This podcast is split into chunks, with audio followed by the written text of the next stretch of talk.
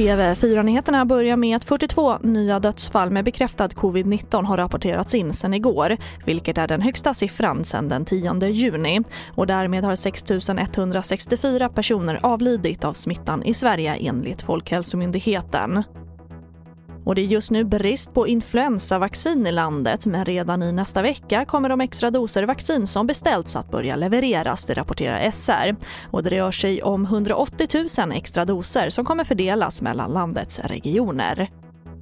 Och förundersökningen om sprängdådet på Östermalm i Stockholm som inträffade i januari i år läggs ner. Bomben detonerade vid ett flerfamiljshus och händelsen filmades av en övervakningskamera på SVTs byggnad mittemot.